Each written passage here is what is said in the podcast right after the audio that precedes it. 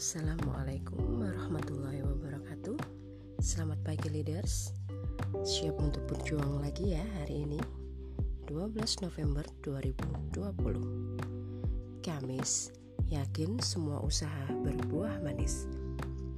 Bersama Ustazah Dian Lubi Pembelajar di Semaraja Kita bincang-bincang sosiologi yuk. Nah Tadi pagi nih, setelah selesai menyiapkan keperluan anak-anak, Ustazah sempatkan nengok Instagram. Subhanallah, ame. Sekarang nih, banyak anak-anak muda yang bangga kalau dia gak lagi jomblo. Bangga pamer gandengan baru. Gak mau kalah nih sama truk yang punya gandengan randang, rendeng, antar kota, antar provinsi. Bisa dibenarkan gak sih menurut kalian? Coba kita cek dalam Al-Quran ya leaders Dalam surat Al-Isra ayat 32 Allah berfirman Dan janganlah kamu mendekati zina Sesungguhnya Zina adalah suatu perbuatan yang keji dan suatu jalan yang buruk. Nah, Allah sudah melarang nih.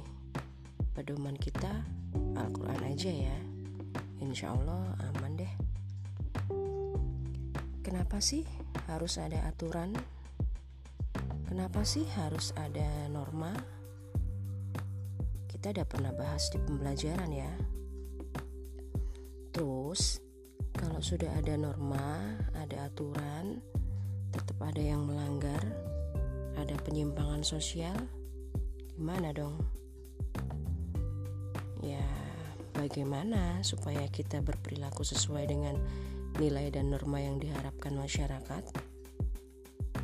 Nah, ada yang disebut pengendalian sosial nih leaders. Apa itu?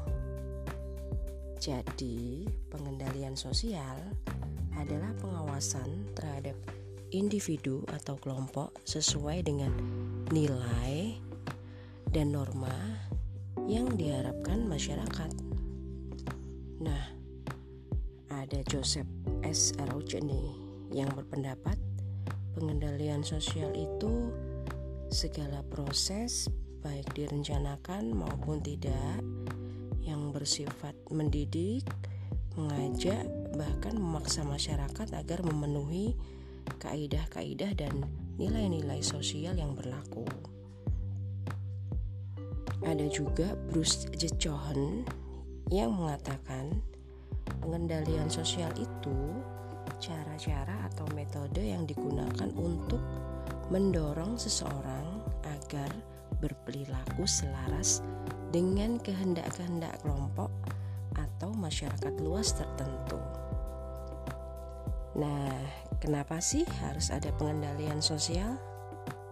Ya, supaya tindak penyimpangan sosial berkurang, masyarakat jadi tentram, pelaku yang berbuat menyimpang bisa menyadari kesalahannya dan memperbaiki tingkah lakunya, membuat masyarakat mematuhi nilai dan norma baik dengan kesadaran maupun paksaan.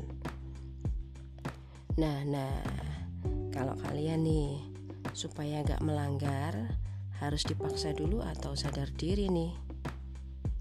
Semoga gak pakai ancaman, gak pakai paksaan, kalian dah menjalani aktivitas tanpa penyimpangan ya leaders. Biasanya nih ada peran lembaga formal untuk pengendalian sosial. Kalau dari kasus anak muda yang rendang, rendeng, laki perempuan belum sah, bahkan ada yang punya anak di luar nikah, terus nambah dosa lagi, ada yang aborsi. Nah, ada adat nih yang merupakan lembaga atau peranata sosial yang terdapat dalam masyarakat biasanya mereka akan dikucilkan, bahkan diusir.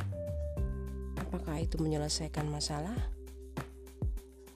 Ada juga yang uh, beberapa makin depresi, putus asa, aborsi, bahkan bunuh diri. So, gimana sikap kita? Nah, kita akan bincang-bincang di uh, pertemuan selanjutnya aja ya leaders. Jadi cukup sekian uh, Ustazah ingatkan Jadikan Al-Quran sebagai peganganmu Penyelesaian dari semua masalah hidupmu Dan insya Allah buat kalian yang dari agama lain juga di kitab suci kalian sudah ada ya pastinya. Uh, Kita semangat ya mewarnai sekitar kita dengan kebaikan. Semoga bermanfaat. Terima kasih sudah menyimak.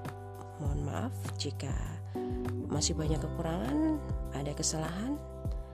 See you next day di bincang-bincang sosiologi. Wassalamualaikum warahmatullahi wabarakatuh.